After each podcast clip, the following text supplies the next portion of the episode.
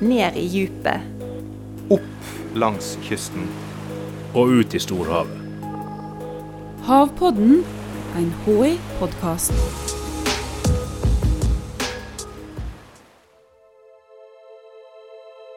Klimaet vårt er i endring. Havet blir varmere. Sjøl her i oss, som bor så langt nord. Hva betyr det for de som lever nede i havdypet? For første gang har forskere undersøkt hvor sårbare 37 ulike bestander i Nordsjøen, Norskehavet og Barentshavet er for klimaendringer, og hvordan det vil slå ut de neste 30 årene. Hvem vinner, og hvem taper i et stadig varmere hav? Ja, jeg heter Geir Huse, og jeg er forskningsdirektør da, med ansvar for marine økosystem og ressurser her på Havforskningsinstituttet. En som ligger an til å skåre høyt på klimatabellen, da er lysingen.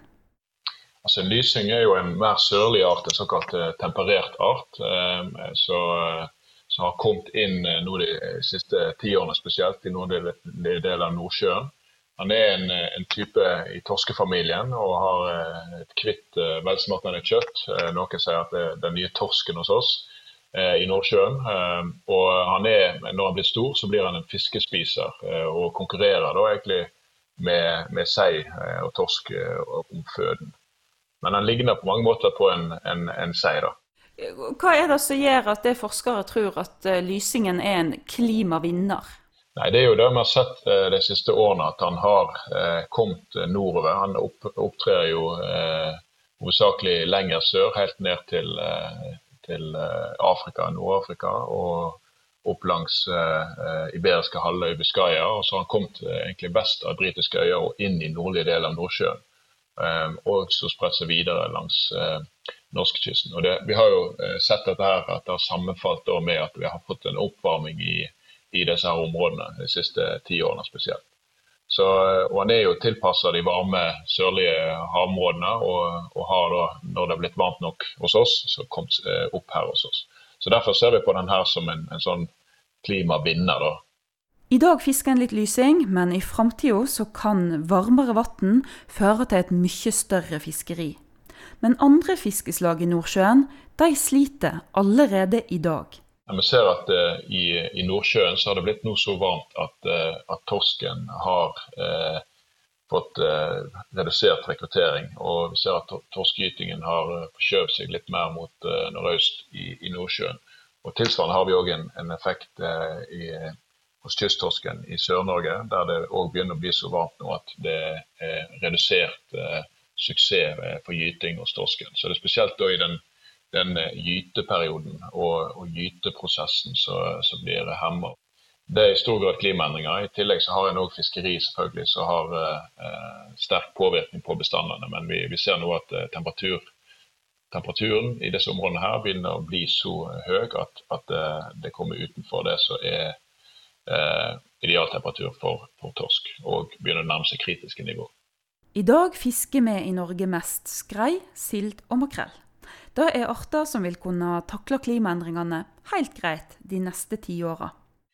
Dette er jo eh, alle bestander som er ganske eh, mobile. De vandrer mye. De har store eh, gyteområder og, og eh, driver langt og vandrer mye. Sånn at de er ganske tilpasningsdyktige på denne typen oppvarminger som eh, vi har hatt nå. Eh, og, og, kanskje spesielt sånn som makrell og kålmule og, og til dels torsken òg. De har jo pelagiske egg. sånn at eh, eggene kan egentlig legges eh, over store områder. De er ikke knytta til bunn, f.eks. Sånn som eh, sild og lodde. Dermed er de veldig fleksible hvor de gyter, og kan respondere raskt når det blir varmere. og når, når den ideelle temperaturen for, for gyting skifter nordover, så kan de følge med. så Sånn at Det vi har sett hos torsken, er at han har fortsatt nordover etter hvert som isen og det kalde arktiske vannet da, i Barentshavet har trukket seg eh, tilbake, så har torsken fulgt på og, og erobra nye, nye, områder der. Noen vinner, noen klarer seg greit, men noen vil tape. F.eks. polartorsken en liten, søt og kanskje litt skjør fisk som lever under isen langt, langt nord.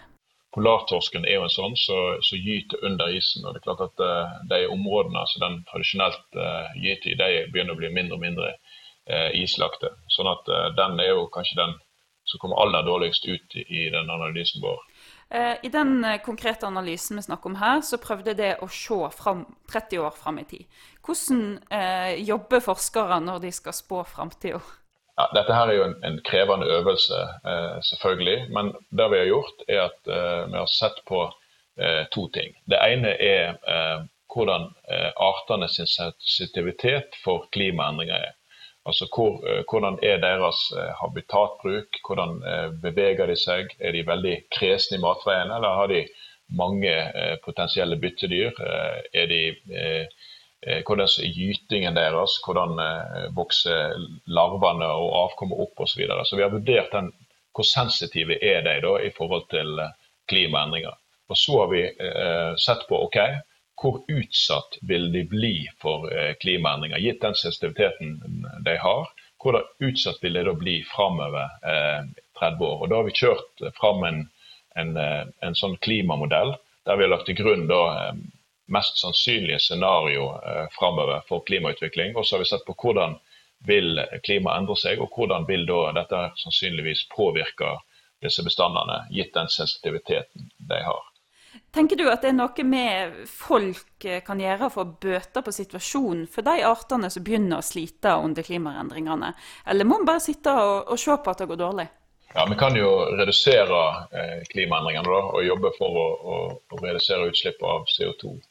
Det er jo den ene tingen. Men det er klart at så kan en òg fiske mindre av de artene som blir eh, rammet av, av klimaendringene. Så det er jo de hovedsak tingene. Så vi, det er viktig å være forberedt på det. Og, og, og, det er der den systematiske analysen skal hjelpe oss. Havpodden er en podkast fra Havforskningsinstituttet. Jeg heter Stine Hommedal og jobber her. Teknisk produksjon og lyddesign var det Febril Film som sto for. Og du, du hører snart igjen.